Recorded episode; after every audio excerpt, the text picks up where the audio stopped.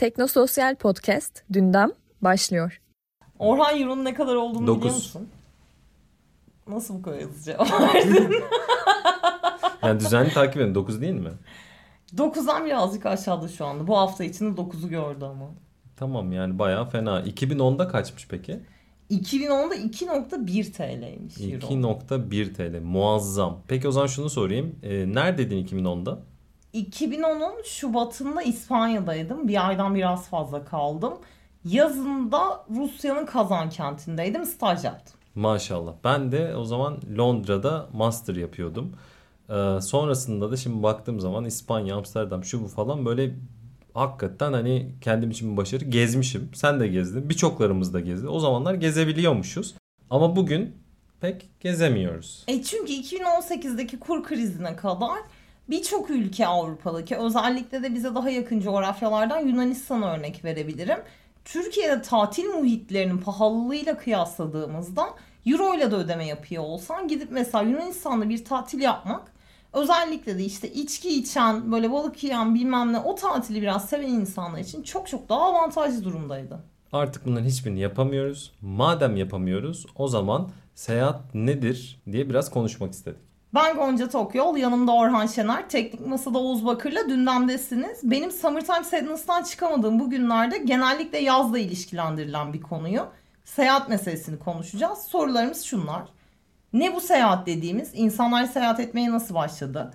Neden ve nasıl seyahat ettik? 17. yüzyılda genç aristokratların yaptığı sanat eseri gezisinin Game of Thrones'la ne alakası var?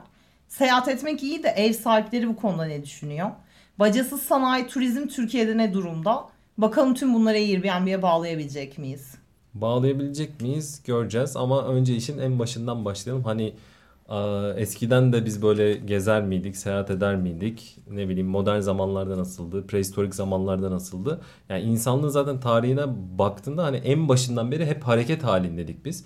Afrika'da işte hani Homo erectus'tan sonra Sapiens'e kadar bütün bu tırnak içinde primitif öyle denmiyor herhalde ama insanlar hareket etti, göçtü. İklim değiştikçe işte onların avladığı hayvanlar başka yere gitti. Onlar da onların peşinden gittiler ve biz aslında baktığımızda hani Avrupalıların bu keşifler çağı dediği şeyin çok öncesinde zaten bütün dünya yani Yeni Zelanda, Polinezya, Mikronezya'sına kadar zaten keşfedilmişti. Özetle biz hep seyahat eden canlılardık. Ama bu o zamanlar baktığımızda mecburiyetten meydana geliyordu. Yerleşik hayata geçtikten sonra işte milattan önce 10-12 bin yıl falan bu hani göçerlik hali en azından dünyanın belli bir nüfusu için bitti. Ama hala hareket halinde olanlar var. Kim bunlar? İşte askerler, ordular, tüccarlar bir şey satmak için, misyonerler din yaymak için. Bir yandan tabii göçerler hala göçmeye devam ediyor işte atlarının sırtında av hayvanlarını veya işte güttükleri hayvanların peşinde ve de seyyahlar. Yani bunu yaptığıma inanamıyorum. Muhtemelen ilk defa bir dünden bölümünde senin böyle biraz ileri taşıdığın bir konuyu tekrardan geriye doğru döndüreceğim. Aman tanrım gerçek bir Orhan Şener'im. Ama aslında ne bu seyahat dediğimiz mesela ne zaman başladı, neden seyahat etmeye başladık dersek aslında Orhan'ın da söylediği gibi seyahat eden ilk insanlar barınak, yemek, su arayan atalarımızdı. Yani az biraz öte git orada su varmış aman buranın aslanı o kadar bol değilmiş ama işte böyle yiyebileceğimizi bolmuş bilmem ne falan derken sağda solda dolaşıyorlardı. Ama seyahat dediğimiz meseleye en benzer şey tarihimize baktığımızda aslında eski Romalılarda görülüyor. Hep böyle şeydir işte kendi tatilimizi yaparken Türkiye insanlara öyle bir şans sunuyor. Biraz da böyle şeyi görürüz. Antik kent falan da görürüz. Side'ye gidersiniz antik tiyatronun içindesinizdir. Yok işte İzmir'e gidersiniz Efes vardır bilmem ne Didim'de falan. Apollo Tapınağı. Ya gerçekten yakın zamanda Didim'e gidenler belli oldu. Hemen Ama garip değil mi? geldi. Didim'e gidiyorsun Apollo Tapınağı. Bence bu müthiş bir şey. Yani biz son dönemlerde bu arada en iyi antik kenti Bergama'da gezdik sanırım. Meraklısı olanlara da tavsiye ederim. İnanılmaz büyüklükte ve dik bir e, şeyleri var. Antik tiyatroları var. Çok güzel korunmuş bir yani korunmuş derken bu arada komik yani Berlin'de aslında Keşke altar. sponsor alsaydık bunu. Evet Berlin Arkeoloji Müzesi falan. Ola- olabilir olabilir. Bunu not edin. Evet. Neyse geri dönüyorum. Yani biz nasıl yazlığa gittiğimizde ya da tatile gittiğimizde ziyaret ediyorsak aslında böyle şeyde de eski Romalılarda da bir tatil kültürü var. Yazlık evleri var ve buna böyle yaz döneminde adı üzerinde seyahati çıkıyorlar ve bu yazlık evlere gidiyorlar. Bunu nasıl yapıyorlar da dersek sen bütün yollar Roma'ya çıkıyor tabii ki. Şeye baktığımızda milattan önce 3. yüzyılda başlayan Roma'da böyle bir yol ağı kurma çalışması bir yüzyıl geçtikten sonra neredeyse imparatorluk kapsamındaki bütün ana merkezlere ulaşan bir yol sistemine sahip olmalarını sağlıyor.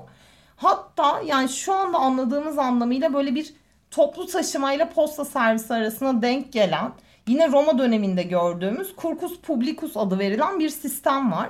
Bununla birlikte de mesela ana yollar üzerine belli işte kaleler, böyle konaklama yerleri falan kuruyorsunuz. Burada yeni atlar da var.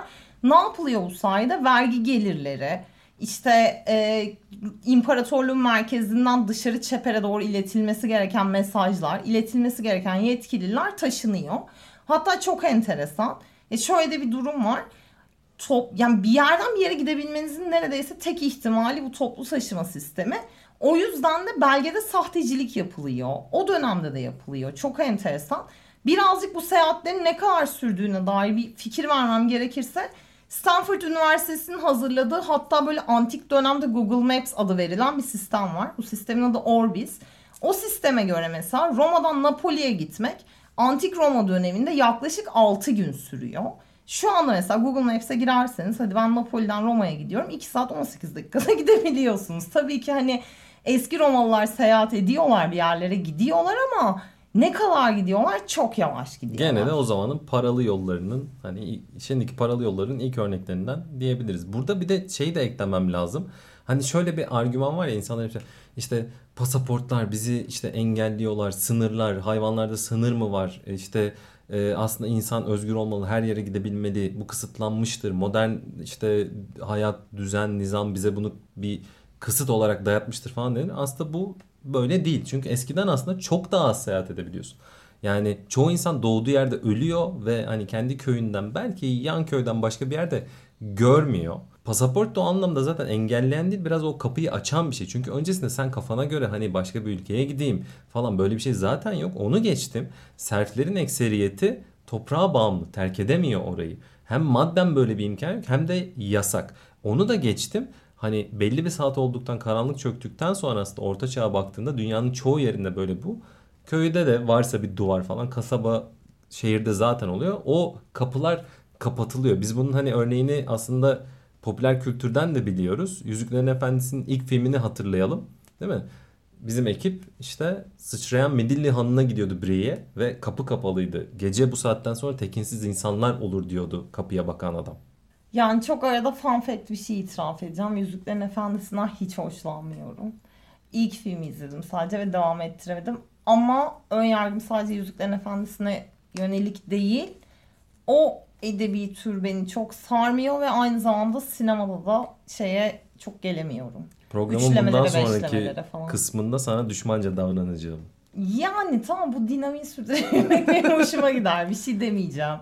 Neyse bu Yüzüklerin Efendisi itirafımdan sonra e, şey geleceğim zaten. Senin verdiğin örnek çok doğru. Gerçekten seyahat etmenin bir amacı olması gerekiyor o dönemde. Tabii ki zengin bir Romalıysanız işte gidiyorsunuz kendi arabanızla falan ama ya yüzyıllar geçiyor mesela seyahat denen şeyde bir böyle bir başka mihenk taşına geldiğimizde orta çağdayız ve hacılar aslında seyahat ediyorlar. Hatta bu dönemde de bu konuyla ilgili çok benzer bir şekilde ama daha yaza bile girmemiştik. Özgür Mumcu ile Eray Özer'in yaptıkları bir podcast bölümü vardı. Onda Özgür Mumcu sanırım şunu anlatıyordu. Hacılar dolaşıyorlar belli haç yolları üzerinde ve bunların arasına karışan macera perestler var. Neden macera perestler hacı gibi davranıyorlar? E çünkü biri sana şeyi sorduğunda ne yapıyorsun kardeşim sen burada yani? Niye geldin ki köyümüze? Bu kadar garip bir şey köyünüze yabancı gelmesi. Bu arada hala daha da öyledir. Biz bir süredir bir proje için köy falan geziyoruz. Şeyi çok fark ediyorum ben. Yani köy sınırları içinde karşılaştığımız ilk insandan itibaren köyde böyle bir bizim varlığımız konuşulmaya başlıyor. Ki sene 2020'deyiz. O dönem iyice konuşuyor ve bir gerekçeniz olması gerekiyor. O gerekçeniz de ne? Hacı olmak. Hacılar ne yapıyorlar? Bunlar orta çağda aslında böyle yani bir sözleri ya da adakları oluyor. Adak kültürü Türkiye'de de yani hani Müslüman kültürün bir parçası. Sünnilerde de var, Alevilerde de var. E, bir ada yerine getirmeye çalışıyorlar. Ya da bir günah işlediklerini düşünüyorlar ve e, tefekkür ediyorlar. Dertlerine mucizevi da- devalar bulmak istiyorlar. Yani hastalar ve takdir edersiniz ki orta çağdayız. Yani böyle doktora gidip neyin var doktor bey falan demiyorsun. Diyorsun ki aman tanrım Aziz Thomas bana yardım et falan. Ve bu şekilde seyahat ediyorlar. Nerelere gidiyorlar? Roma'ya gidiyorlar.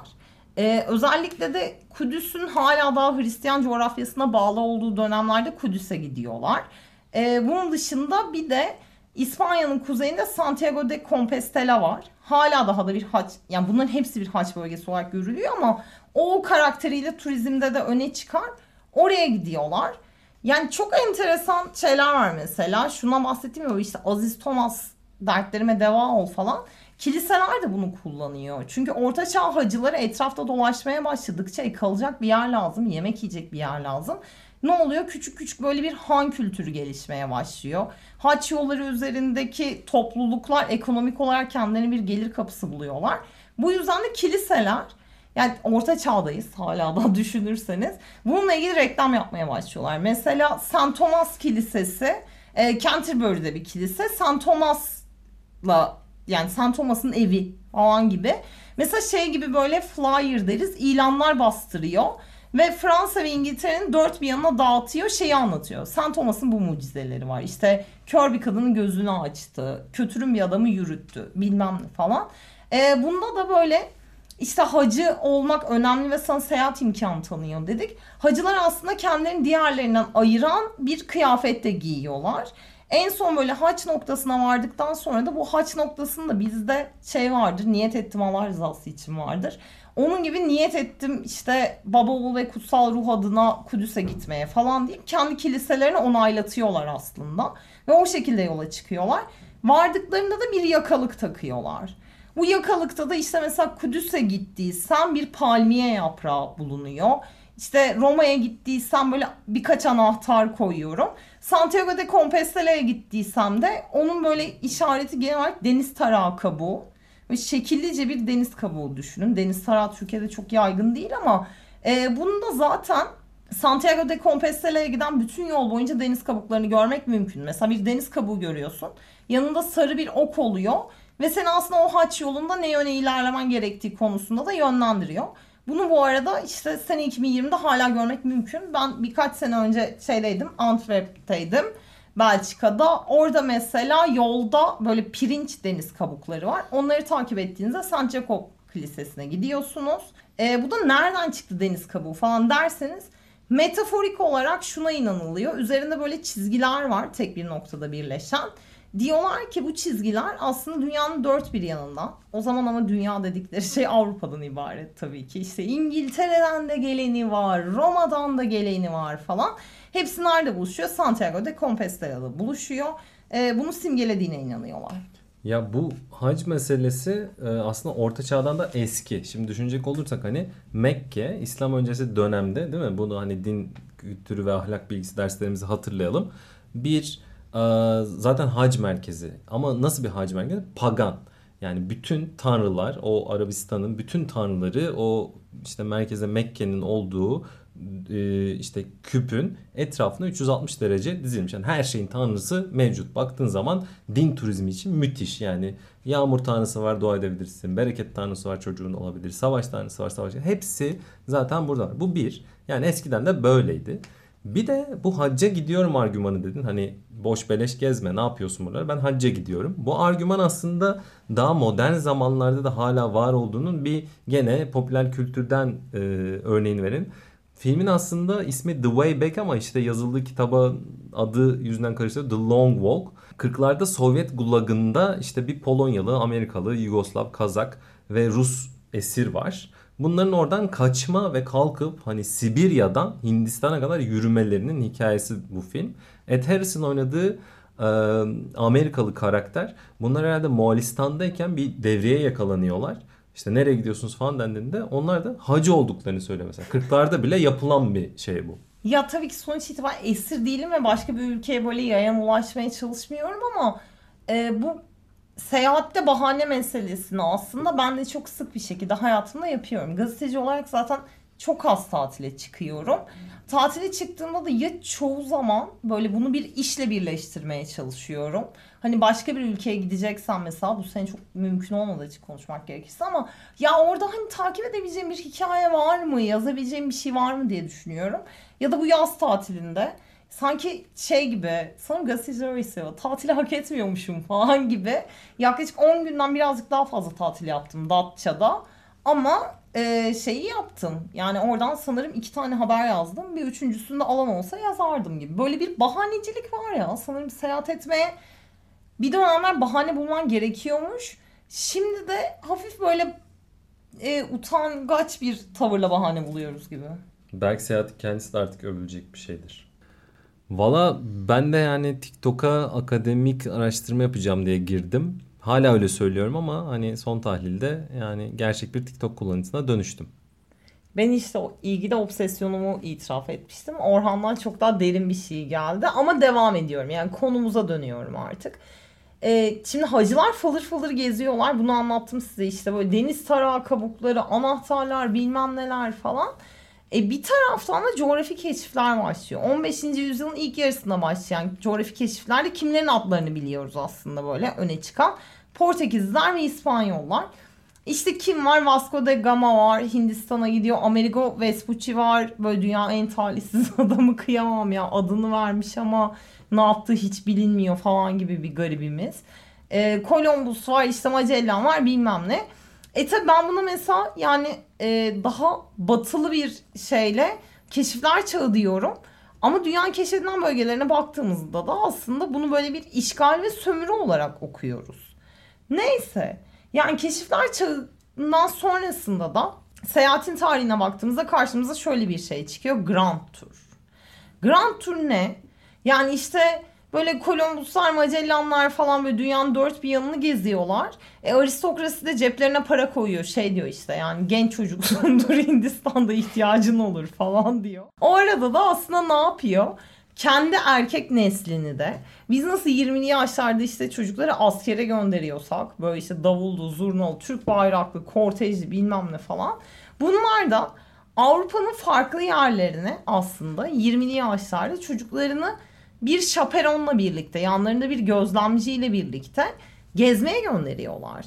Cebine böyle birkaç tane mektup sıkıştırılıyor mesela bu çocuğun. Diyorlar ki işte benim bilmem ne Vicomte'u tanıdığımdır. Ona git onun elinde şöyle bir tablo var onu gör. İşte bilmem kime git onun evinde bilmem ne sanatçıları işte bilmem kimin bilmem ne eserini icra eder onu dinle falan. Buradaki böyle genç aristokrat erkekler bir anda Avrupa'nın dört bir yanında böyle fıldır fıldır dolaşıp e, sanatın en rafinesiyle buluşuyorlar açık konuşmak gerekirse. Bu da aslında garip bir şekilde yine bir amacı var. Yani çünkü bu böyle bir o dönemdeki aristokratik eğitimin bir bölümü gibi gözüküyor aslında. Yani bunu yapmadığınızda işte matematik dersinden çakmışsınız falan gibi oluyorsunuz. Neden matematik örnek gösterdiğimi bilmiyorum. Ee, ama yavaş yavaş fark ettiyseniz aslında böyle garip bir şekilde hem gezmece ama hem de böyle bir işte sanat görme gibi yan bir amacı olmaya başlıyor turizm dediğimiz şeyin. Ya bu nereden biliyoruz biz bunu? Ben bugün böyle popüler kültürden e, örnekler verme günümdeyim herhalde. Game of Thrones'dan biliyoruz bunun aynısını ama aslında Game of Thrones'dan da değil. E, Buz ve Ateş'in şarkısı serinin adı aslında kitap serisini biliyorsun. Çünkü dizide geçmiyor ama e, kitapta geçen bir şey. Lannister'ların Tyrion'ı hani bizim cüce diye bildiğimiz karakter bu aslında e, Westeros'da da yani bu olayların geçtiği kıtada da bir adet. Oradaki aristokrasi de benzer şekilde 16 yaşına gelen erkek çocuklarını free cities dedikleri işte özgür şehirlere gönderiyorlar. Hani işte e, bu doğudaki kıtanın kuzeyinde olan 5 tane özgür şehire e, gidecekler. Oradaki ticaret nasıl yapılır, insanlar nasıl yaşar, ne yerler, ne içerler. Yanında gene bir şaperonla birlikte gidip dolaşacak. Ama babası Tywin Lannister Tyrion'a izin vermiyor ve bu hep hayalinde olan şeyi yapamıyor. Ama biliyoruz işte dizi izleyenler, kitap okuyanlar bilir. Bütün kıtayı dolaşıyor. Sonrasında da hatta o dönemde babası bunu izin vermeyince yerine verdiği görev işte kendi şatolarının kanalizasyon sistemini tamir etmek biliyorsun. Sonrasında da o kanalizasyon sistemi sayesinde kendi kentlerinin ele geçirilmesini sağlıyor. Bu trivia'yı niye verdim? Bundan herhalde bir sene sonra falan yapmayı planladığımız e, Game of Thrones odaklı podcast'inde bu introsu olmuş olsun. Dünyanın gerçekten en planlı ama neticede en böyle yani verim düşük insanlarıyız sanırım. Ama ben sen ilk anlattığında da bu Tri'nin hikayesi aman tanrım anlattığımız ve konuşacağımız bölümün ne kadar alakalı kısmını çok şaşırmıştım. Ama biraz yani bugün Orhanlığımı sürdüreceğim Orhan.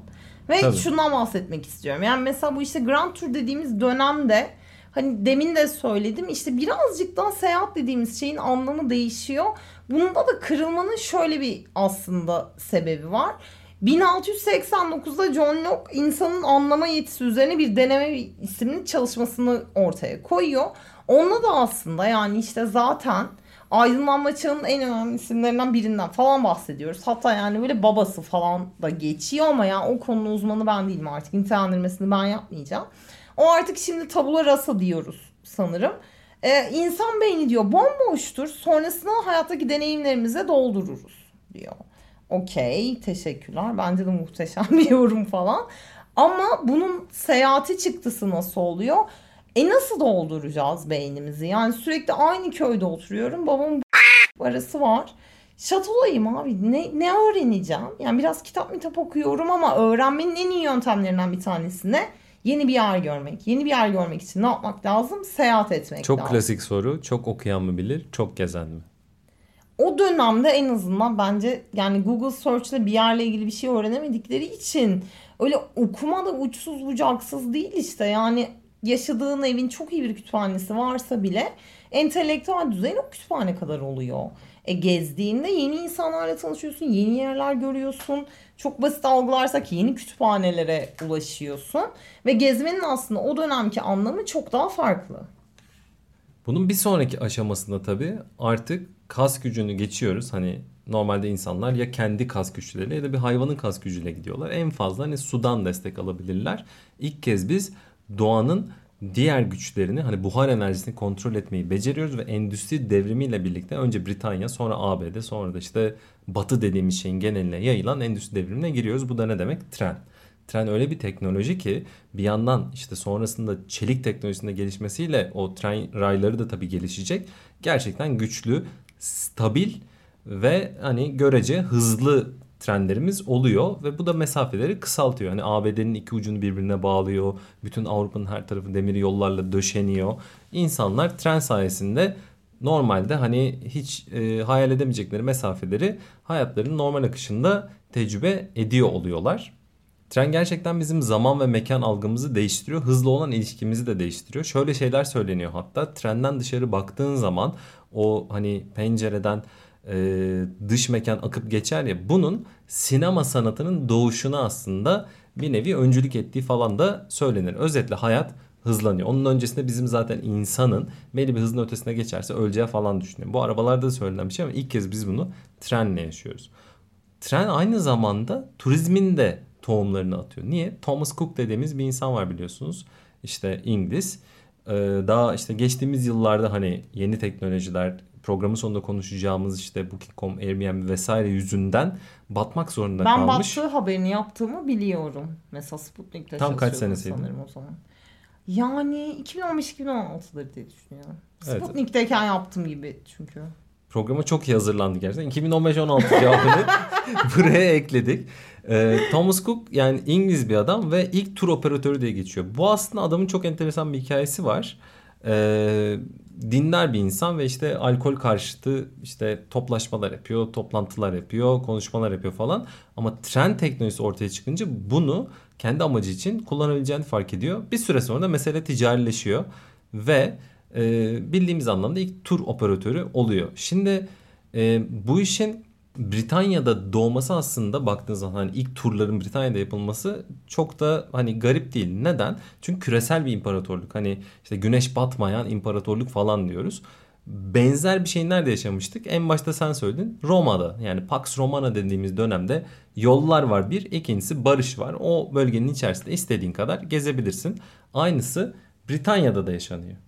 Yani şöyle bir şey var. Ben birazcık geri döneceğim. Thomas Cook böyle işte onun dindar bir adam olması, alkole karşı buluşmalar yapması falan ondan bahsederken ve de aynı zamanda da konseptimiz trenken çok komik geldi bana. Çünkü ben Eskişehirliyim. Eskişehir gerçekten Türkiye'deki tren yollarının neredeyse böyle ya hepsini geçtiği bir kesişim noktası. Çok böyle iç içesinizdir tren yoluyla. Ve biz İstanbul'a ilk geldiğimiz üniversiteye böyle liseden arkadaşlarımızla trenle birlikte gelip giderdik. Neredeyse hiç otobüsü kullanmazdık. Ve böyle bütün makinistleri tanırdık, bütün biletçileri tanırdık, kondüktörleri tanırdık. Bütün böyle yemekte vagondaki herkesi tanırdık. E, Thomas Cook tren ve işte alkol karşıtlığı her böyle trene bindiğimde anıyorum sanırım. Böyle Eskişehir'de kurulan ve Haydarpaşa'ya tren girerken en son böyle zorla hesabı ödeyen rakı sofraları falan vardı trende. Trenin benim için de birazcık anlamı bu sanırım. Maalesef e, eski Türkiye'de var olan şeylerdi bunlar. E, yeni Türkiye'de trende herhalde o şekilde kamusal alan içerisinde içki içemiyorsun. Bunu da e, belirtmiş olayım. Şimdi e, Britanya dedik. Yani meselenin Britanya'dan çıkması doğal dedik. Bunun güzel gene bir popüler kültürde e, örneği var. 80 günde devre alem. Şimdi kitabı okuyanlar hani hatırlayacaktır. En başında zaten bir bahis konuluyor ortaya. Dünyanın etrafı 80 günde dolaşılır mı? Hayır yapamazsın diyorlar. Yapabilirim diyor e, kahramanımız ve ispat olarak da neyi veriyor? Şu tren şuradan şu saat şu günde şu saatte kalkar. Bu gemi buradan şu saatte kalkar. Bunların hepsi hesabı yapılabilir. Küçük sapmalar olabilir ama 80 günün planını yaptığında e, matematiksel olarak doğru bir yere varırsın. Çünkü artık her şey planlı. Zaten şunu da biliyoruz. Tarihte ilk kez hani e, geniş bir bölge içerisinde aynı saatin mekanik bir şekilde kullanılması da gene Britanya'da gerçekleşiyor. Neden? İki tren istasyonu arasında saat farkı olmaması gerekir. Olursa trenler düzgün bir şekilde varamazlar. Evet ama yani bir noktada da mesela bu uygulama doğuya geldikçe neler değişiyor bir örnek vermem gerekirse yine Eskişehirliyim üzerinden. Eskişehir'de iki tane tren istasyonu vardır. Bir tanesi ana istasyon bir tanesi de Enveriye istasyonu. Enveriye istasyonundan daha böyle lokal trenler geçer. Ve gece 3 civarında sanırım Enveriye'ye gelmesi gerekiyordu sitede o gösteriyor. Yani kayıtlarına da TCD'den 3'te gelmesi gerekiyor. Çok nadiren binerdik. Binmek zorunda kaldığımızda da sanırım Pamukkale Ekspresi geçerdi. Bilet aldığında şunu öğütlerlerdi. 3 yazıyorsa varışı 3'te bizi ara sana ne kadar gecikeceğini söyleyelim. Muazzam. O yüzden de hani şeyi anlayabiliyorum işte batıda böyle dakikliğe falan yöneltmiş olabilir insanlar ama Türkiye'de e, pek de öyle işlemiyordu açıkçası bu sistem. Maalesef. O zaman Türkiye ile gene Batı'yı birleştiren bir hikaye anlatalım burada. Bu sanayi devriminin aslında çok biz o tarafını konuşmuyoruz ama hep böyle tren vesaire konuşuyoruz ama bir de bisiklet gibi bir gerçekliği var. Yani bisiklet mekanik bir araç ve insan kas gücünü e, arttıran, çarpan etkisiyle arttıran ve ulaşım aslında e, oldukça hızlandıran çok pratik bir araç. Ve bisiklet seyahlığı dediğimiz şey de çok eskilerde başlıyor. Yani ortaya çıktığı gibi bisiklet dediğim şey insanlar bununla seyahat etmeye başlıyor. Çok enteresan bir hikaye var. Ben bunu 2016 senesinde kendi Twitter hesabımda da paylaşmışım. 891'de 1981'de hani bisiklet yeni icat edilmiş falan. iki İngiliz beyefendisi var. Bunlar İstanbul'a bisiklete gelmişler. Niye? Bu insanlar hani bir önceki e, duraklarına baktığınızda hani bir iki ay önce işte Japonya'daymışlar. Japonya'dan Erzurum'a gelmişler. Erzurum'dan sonra İstanbul'a gidecekler falan. Gelme amaçları ne peki? Kendilerinden önce gene Osmanlı topraklarına gelen bir seyyah var. Bisikletli seyyah. Frank Lenz ve arkadaşlarından haber alamıyorlar. Frank Lenz'in gelmesinin sebebi şu. Kendisi Philadelphia'lı ve bir dergi için fotoğraf çekecek. Fotoğraf makinesi de icat olmuş gezdiği ülkeleri hani bisikletle dünya turu atacak ve bunların fotoğrafını çekecek, hikayesini yazacak. 84 1884 1886 yılları arasında dünya turu yapmış bir adam var. Thomas Stevens. Onun yolunu izlemeye çalışıyor. İşte Pittsburgh'tan yola çıkıyor. Amerika Birleşik Devletleri'ni baştan başa kat ediyor. Sonra işte Çin'e gidiyor. Ve en sonunda Erzurum'a ulaşıyor. Bakın hani 800'lerin sonu ve bir daha haber alınamıyor kendisinden. Haber alınamayınca çalıştığı dergi Lens'in arkasından iki bisiklet seyyah gönderiyor. William e, Dergideki cesarete bakar mısın? Muazzam değil mi? Hani birini gönderdik arkadan gerçekten bu adamları illa keşfedecek, fethedecek yani. William Seklaben. Almancasını kotaramadım ama ve Thomas Allen.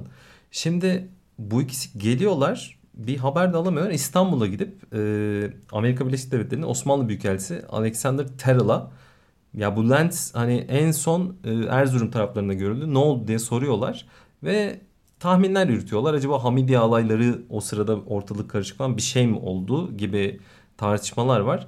Biraz kurcalandığı zaman ortaya çıkıyor ki gerçekten Erzurum'da öldürülmüş. Çünkü orada bir aşiret reisine bir laf söylediği, kötü bir laf söylediği bunun e, sonucu olarak da öldürüldüğü söyleniyor. Me- meselenin kendisini bilmiyoruz. Kötü bir lafta şey falan herhalde. Hay dedi falan. ya ne dedi ki yani Her, gerçekten. her şey olmuş olabilir. Ortak bir dil yok ki ne kadar kötü bir şey söylemiş olabilir. Her şey olmuş olabilir. Ee, yani bunu tarihçilere bırakalım istersen ama sonunda şu oluyor. Amerikan misyonu bastırıyor ve e, adam vefat ettikten 8 yıl sonra Osmanlı Devleti Lentz'in annesine o zamanın parasıyla 7500 dolar ki bayağı büyük bir şey herhalde. O zaman 7500 dolar. Bugün de çok büyük para bu arada. Ödemeyi kabul ediyor ve bu iki insan dönüyorlar. Yani baktığın zaman Türkiye hiçbir zaman hiçbir zaman demeyelim ama yani son 100 yıldır seyyahlar için maalesef e, son durak haline gelmiş durumda. Yani evet şeye geri döneceğim. Hani böyle işte 7000 ne kadar dolar dedin? 500. 7500 dolar. E, hangi tarihte yaşanıyor bu? 800'lerin sonu. E tamam 1914'te mesela artık ben de yavaşça böyle bu seyahat meselesini 20. yüzyıla taşıyacağım. 1914'te aslında tarihin böyle ilk yolculuk ticari uçuşlarından biri gerçekleşiyor. Neden? Neden bunu konuşuyoruz? Çünkü 20. yüzyılda artık seyahat etmeyi şekillendiren şey uçmak oluyor. 1914'te gerçekleştirilen bu yolculukta Tampa ile St. Petersburg arasında gidiyorlar. Tampa körfezin iki ucu bu arada. Rusya'daki St. Petersburg'dan bahsetmiyoruz. Yolcu başına 5 dolar alınıyor. 1914'te bu 5 dolar şimdi günümüzün böyle 100 doları civarında ediyor. Öyle düşünürsen işte... e, Bugünün mü 10 sene öncenin 100 doları mı? Oo, onu hiç bilmiyorum bu arada. yani bizim için kesinlikle TL olarak karşılığının çok değiştiğine eminim ama dolar karşılığında ne kadar değişmiştir bilemiyorum. Neyse buradan da dönersek aslında 20. yüzyılda seyahat konusunda karşımıza neler çıkıyor? Seri üretim ve tüketimin artışı var ilk olarak. 1900'lerde belli bir zümreye içkin artık turizm. Yani böyle şey yapamıyorsun. Okey tamam daha kitleleşmesinden bahsediyorsun ama ya zenginler bir yerden bir yere gidiyorlar. O araca da o yola da ya da konaklamanın işte masrafına da ancak zenginler şey yapabiliyorlar. Yani bunun karşılığını verebiliyorlar. Ama biz 20. yüzyılla birlikte ne görüyoruz? İki değişken var bu noktada. Bir, e, ticari uçuşların gelişmesi. İki, e, arabalar gelişiyor. 1914'te Henry Ford böyle ilk seri üretime başlıyor Model T'nin. E hatta bu sonrasında mesela Naziler de kendi dönemlerinde tatille ilgili meselelerde enteresan bir politikaları var. Konuşuruz belki. Mesela şeyi de destekliyorlar. Bizim Volkswagen dediğimiz arabanın ilk modelini aslında işte bir nasyonel sosyalist Alman ailesini tatile götüren Halk arabası araç, demek zaten. Evet Volkswagen. olarak da pazarlamaya çalışıyorlar. Yani turizmle ilgili önemli şeyleri var. O yüzden de 20. yüzyılda aslında e, uçuşların ticarileşmesi ve yolcuya dönük olmaya başlaması ve arabaların da seri üretiminin artması çok belirgin bir rol oynuyor. E zaten yani arabaların işte böyle daha seri üretime girmesi bilmem falan derken dünyada da ekonominin daha farklı algılanmaya başladığı bir döneme geliyoruz. 1930'larda mesela tatil kampları fikri ortaya çıkıyor. İşte bu da neyi amaçlıyor? Alt gelirliler de yavaş yavaş bu turizm işine girsinler. Turizm çünkü aslında gelir getiren bir sanayi olmayan sanayi haline de geliyor yavaş yavaş. 1960'larda ne var mesela? Güneş turizmi. Türkiye'de bunun ekmeğini bolca yer. Yani. Sonralarda. Evet hala daha yiyor ama keşke daha düzgün bir şekilde yese. Bu işte 60'larda başlıyor. Varlıklı kuzeyden insanlar paket turlarla ne yapıyorlar? Güneye doğru iniyorlar. İspanya'ya geliyorlar bilmem nerede kalıyorlar. İtalya'ya geliyorlar şurada kalıyorlar burada kalıyorlar falan. Ya bu dönemde de aslında yine işte 60'lar falan diyoruz. Genelde baktığımızda da böyle sosyal demokrat hareketlerin daha ileride olduğu işte işçi sınıfının kazanımlarının yine de yani birazcık daha da öncesinden gelen bir şekilde hala yükselişte olduğu bir dönemden bahsediyoruz. O sebepten de aslında iyi bir işçi olmak seni ekonomik olarak da böyle tatil yapabilen, evinin sahibi olabilen, arabası olan insan haline getiriyor.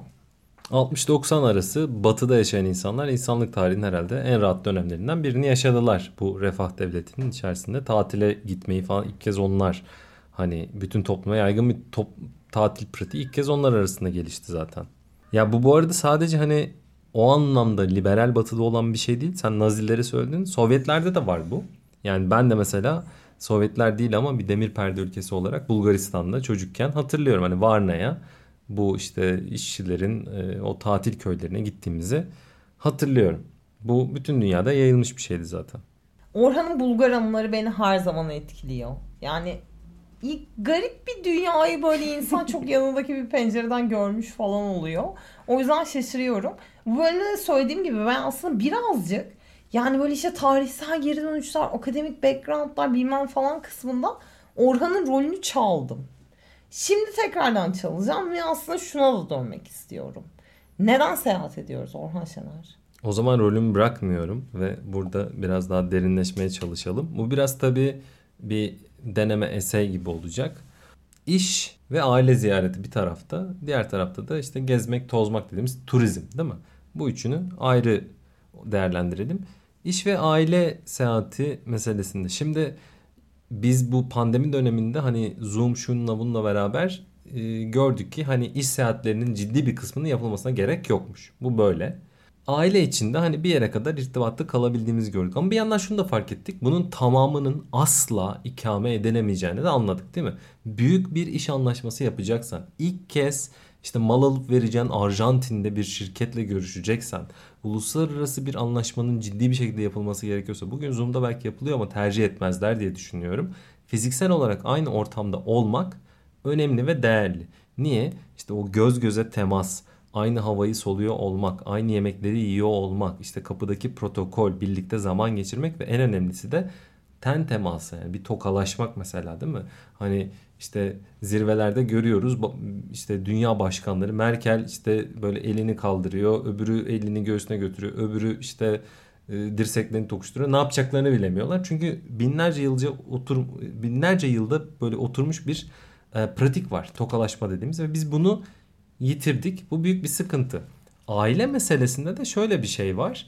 Tamam hani FaceTime yapıyorsun annenle babanla dedenle falan ninenle ama aynı şey değil. Yani annenin hadi sarması mesela eve gelir yersin soğuk ama çorbasının sıcak olması lazım. Gidip yemek istiyorsun. İşte evinin kokusunu almak istiyorsun. Eski eşyalarını görmek istiyorsun. Fiziksel olarak deneyimlemek insan için önemli çünkü biz bağlama bağımlı, context dependent canlılarız. Aynı şey değil ama bu şu anlamada gelmiyor tabii ki. Hani büyük bir kısmını bunun uzaktan iletişim araçlarıyla halledebiliyoruz ama illa fiziksel temas da gerekli. Peki asıl seyahat için seyahat yani bir amacı olmayan e, leisure denen işte turizm diyeceğimiz seyahat biçimi. Bu neden gerekli? Yani insanlar niye bunu sever? Gezmek, tozmak dediğimiz laf niye var? Şu sebepten olsa gerek. Hani mutat, monoton, alışık, bildik olan şeyden biz sıyrılıp yaşadığımızı fark ediyoruz seyahat ederken. Yani insan zihni yeni olanı daha iyi deneyimleyebiliyor daha iyi fark edebiliyor ve daha iyi hatırlayabiliyor. Daha önce herhalde zaten bahsettik dünden de. Daniel Kahneman'ın işte e, Nobel ödülü de aldı. Bu Thinking Fast and Slow kitabında Hızlı ve Yavaş Düşünmek kitabında söylediği sistem 1 ve 2 meselesi var. Biri daha böyle hayvani tarafımıza, evrimimizin böyle erken dönemine, milyonlarca yıl öncesine e, denk geliyor. Diğeri daha modern insan, Homo sapiens'in geliştirdiği bir şey. O ilki mümkün mertebe her şeyi otomatiğe almaya çalışıyor. Hızlı hareket etmek istiyor ve indirgemeci.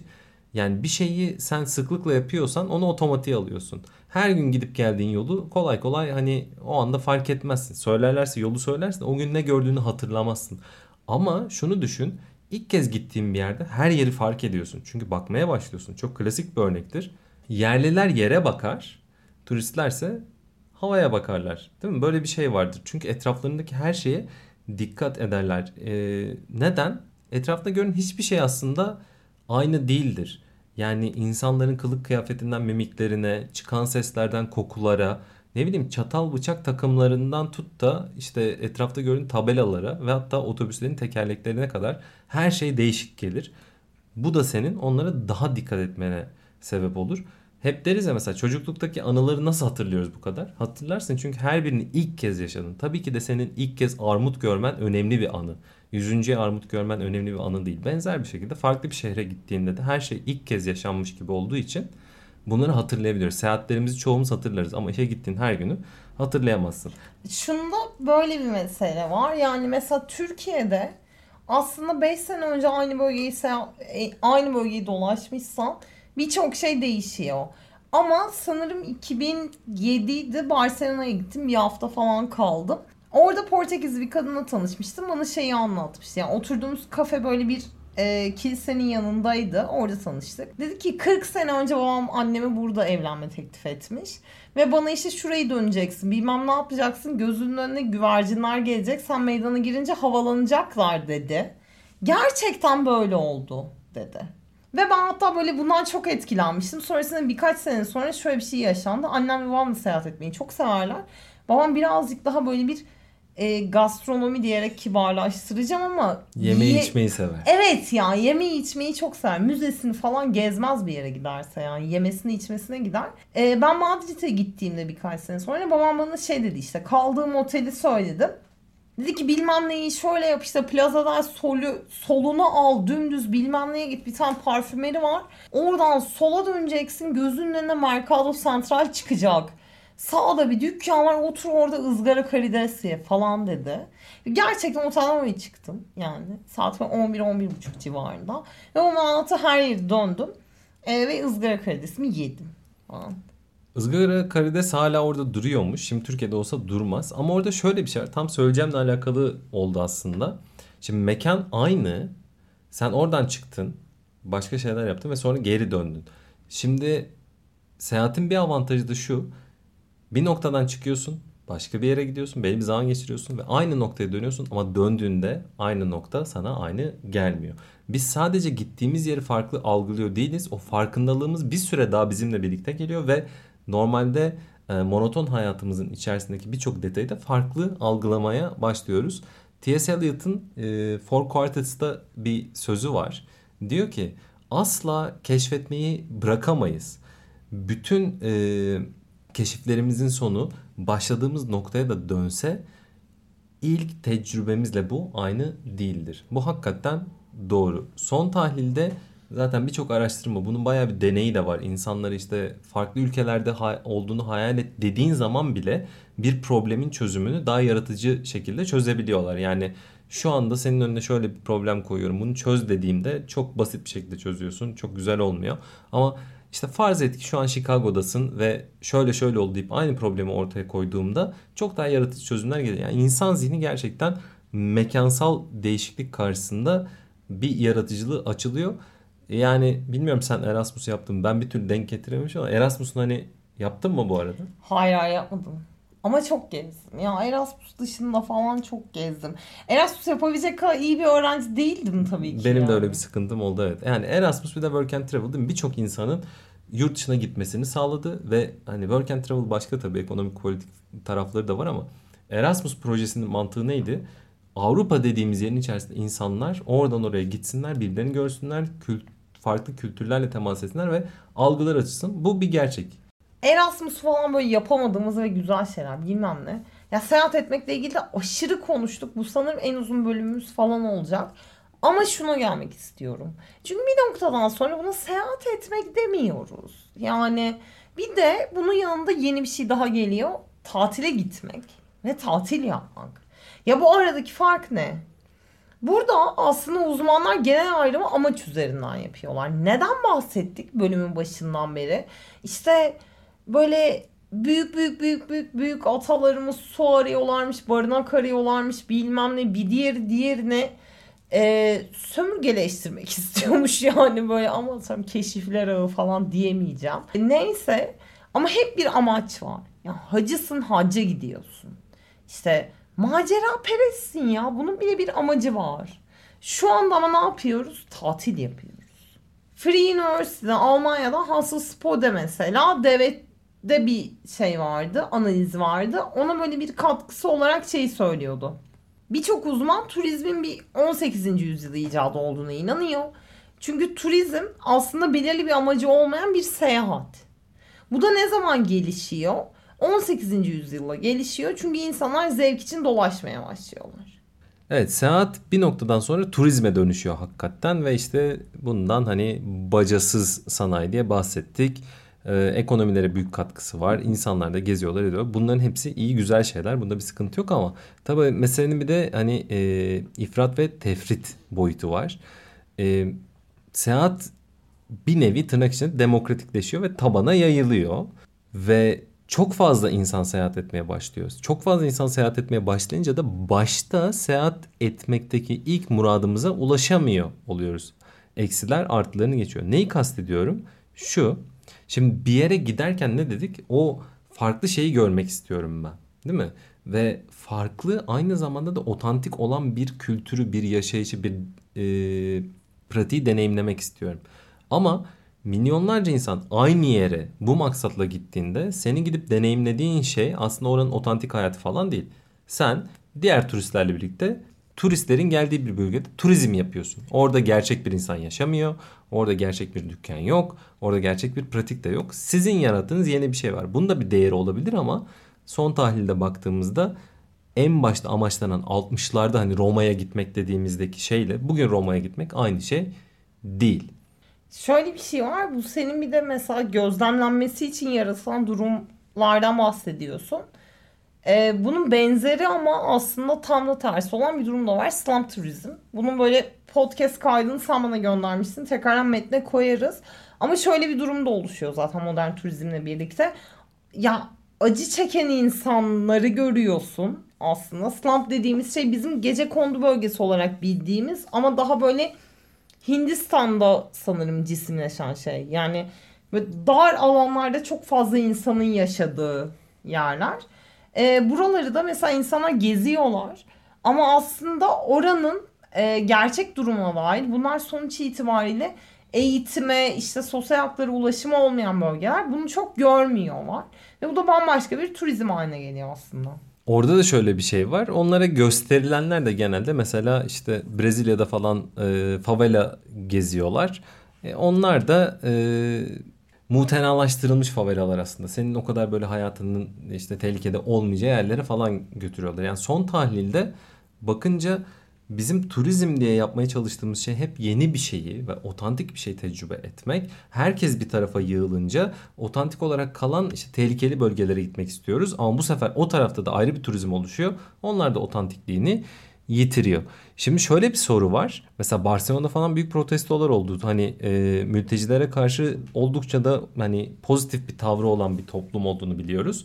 Ama işte turist go home diye insanlar pankart açtılar ve böyle bir süre eylem de yapıldı. Turistler böyle tartaklandı falan da şiddet olayları da oldu. İnsanlar istemiyorlar. Bu kadar turist geldiği zaman bir etrafımız işte mutenalaştırma, gentrification, hipsterization'a maruz kalıyor ve işte otel açılıyor, işte kentsel dönüşüm oluyor. Sen şehir merkezinde yaşayamaz hale geliyorsun. Şehir merkezi sadece dünyanın özellikle işte zengin kuzeyden gelen varlıklı insanların tecrübe ettiği bir nevi tırnak içinde sömürdüğü bir bölgeye dönüşüyor ve sen de orada kendi kentinde ancak hizmet ederek bulunabilen ve orada asla normal hayatı sürdüremeyen bir insana dönüşüyorsun. Bu da insanları rahatsız ediyor.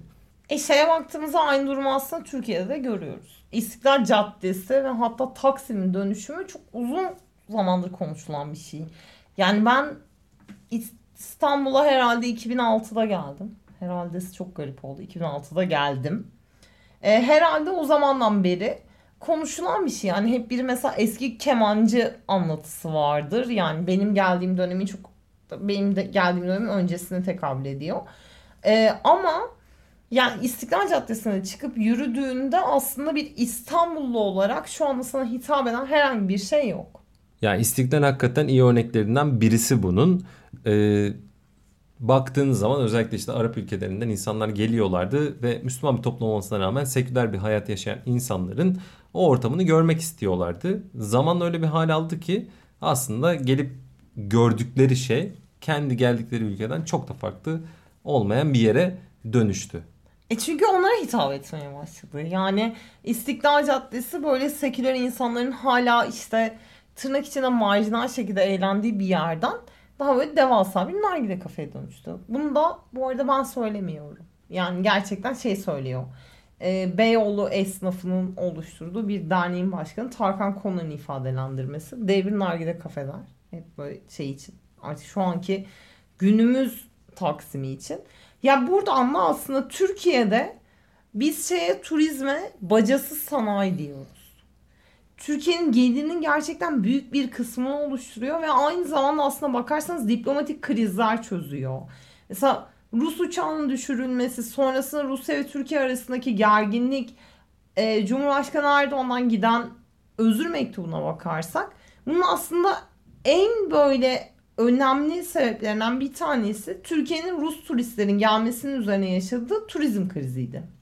Yani Türkiye'nin ekonomisinin ne kadar turizme bağlı olduğundan bahsettik. Mesela TÜİK verilerine göre aslında bu yıl böyle ikinci çeyrekte Türkiye'ye gelen turist sayısı %43.5 azaldı.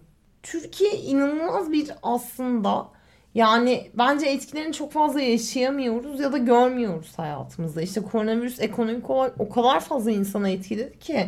Ama turizm sektöründe çalışanları işsiz bırakarak etkiledi. E, az ödeme yaparak etkiledi ve burada büyük bir e, sıkıntı var. Turizmde bunu nasıl topladık aslında? Yani kısmen işte o kadar büyük bir krize dönüşmedi. Aslında şunu görüyoruz e, sokağa çıkma yasaklarının olduğu işte kent terk etmeme yasaklarının olduğu dönemi hatırlarsak ilk olarak belli büyük şehirlere izin verildi. Bunlar arasında Antalya vardı, Muğla vardı, Eskişehir vardı. Benim ailemi düşünürsek mesela benim annem hemen Eskişehir'den Muğla'da Datça'da yazdığına gitti. E, buna rağmen ama mesela yani işte benim annem hemen gitti falan diyorum. Ama Türkiye genelinde insanlar ne kadar tatil yapıyor?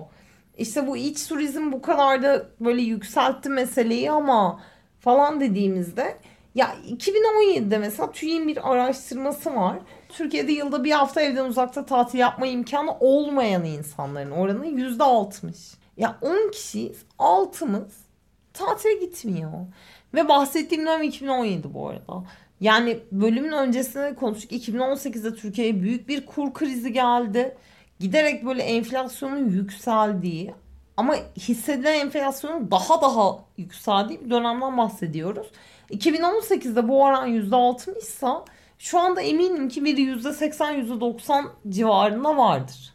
Pek azımız gidebildik. Bir tek yazlı olanlar gidebildi aslında. Yazlık meselesinde şöyle bir şey var. Ee, Gözde Emekçi ben Inside Turkey yaptığım bir yazı için onunla konuştum. Yazlıklar en aslında koronavirüs sonrasında çok enteresan anlamlar kazanıyorlar. İlk olarak e, insanların izole olabilecekleri bir yer ve bir kaçış alanı olarak görülüyorlar. Bu çok normal. Yani Haziran'a kadar olan dönemden bahsediyoruz. Mart ve Haziran arasında işte yasaklamalarla böyle birazcık hacmi değişen ama e, Haziran'a kadar olan dönem. İnsanlar ne diyor? E yazlığa giderim. Alışverişimi yaparım. Kendi kendime kalırım. Benim annem de çok benzer bir şey yaptı. Bir de Haziran sonrasında ikinci konut deniyor aslında yazdıkları. Şöyle bir anlam değişimi oluyor. İzole yani bir otelde değilsin. Türkiye'de çok yükselen böyle bir her şey dahil. İşte havuzu var, beach'i var bilmem ne falan böyle otel konsepti çok yayılıyor. E ama ona gidemezsin. Koronavirüs var. Yani havuzdaki insanla temas edeceksin. Sahildekiyle temas edeceksin. İnsanlar neyi tercih etmeye başlıyorlar? Yavaş yavaş böyle işte annesinin evini ya da kiralık evlere baktığımızda mesela %20 e, oranında kiralık ev aramaları Google'da artıyor bu yaz döneminde 2020'de. Bunun da sebebi ne? Koronavirüs. Bir de şu var. Mesela kiralık ev dediğimizde aklımıza gelen şey aslında ne? Ne yapıyorsun? Evini kiralama.com'dan mı kiralıyorsun mesela bir ev? Genelde ilan veriyorsun. Hayır ama sen bir gittiğin bir yerde ev tutmak istiyorsan Airbnb'ye nereye bakıyorsun? E tamam. Airbnb'de de çok enteresandı. Ben Inside Turkey için yaptığım ilan şeyde e, haberde ilanlara bakarken Airbnb'de şunu fark ettim. İzole ev. Sadece siz ve aileniz için falan.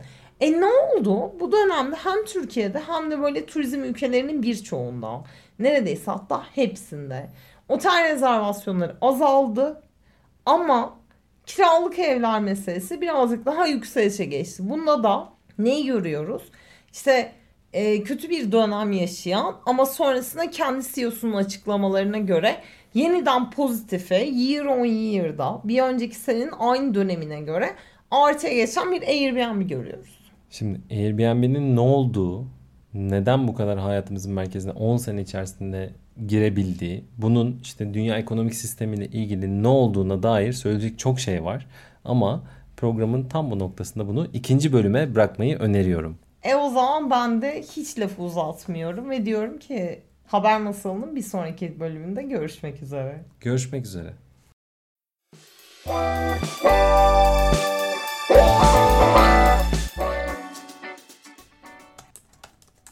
Dumansız Ha ulan. bir şey söyleyeceğim lan inanılmaz Gerçekten ya. çok iyi ya. Çok etkilendim. Çok iyiydi lan. Bravo lan. Vallahi bravo. Ya o kadar iyi ki. Çok iyi. Vay canına. Aynı anda. Bacasız sanayi iş- ama bu iş sanki, değil mi? oldu. Dumansız sanayi. Bacasız sanayi. başına kalktı. Ya. Olağanüstü. Zirvede bırakalım ben sizi. Vay be ulan bunun ses kaydı olacak Aha. Bir şey diyeceğim var Aha var. şu an kayıt Bana az önce laf ediyordun kayıt diye. Ya inanılmaz Orhan'la aynı anda ve hiç bu konuda konuşmadık yani. Sadece altı aldım. Türkiye ile ilgili bir şey söylememiz lazım. Ben turizm, hani Türkiye'de turizmin durumu ne diyeceğim. Tam aklıma şey geldi. Lan böyle bir şey sanayi diyorlar ya. Hani ekonomik önemine vurgu yapıyor falan. Onu düşünüyordum. Bacasız yazdım. Ve Orhan yazarken dumansız dedi. Ha, bayağı aynı şeyi düşünüyormuşum. Aynı şeyi söyledik aynı anda. Ona o kadar aklı gitti bir anda. Bu lan bu bu bu bu. Şu. Tam onu aşağıya taşıdım. Ha, onu aşağı- Benim önümdeki şeyde yok. Hayır ben de şeyi düşündüm sonra. Onu söyleyecektim. Ee, Yani turizm Toma- Thomas Cook diyeceğim ya turizm lafını ilk ben söyleyeceğim o zaman. nasıl? Şey diyeceğim ya. Ne? Bisiklet seyahatlerinin piri Osmanlı'da ne arıyordu? Hayır öyle olmaz. Ölüyor. Öyle mi sorarsın? Neyin yaptığı sanat gezisinin Game of Thrones'la ne alakası var? Seyahat etmek iyi de ev sahipleri bu konuyu düşünüyor. Bacası sanayi turizm Türkiye'de ucunda. En son Airbnb'den bahsedeceğiz. Evet işte bir şey de söylememiz lazım.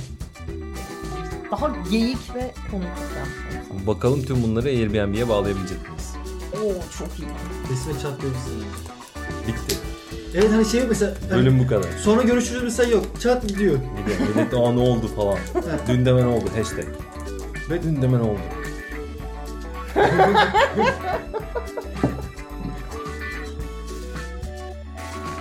kendi, kendi, beni kendi perspektif. Evet.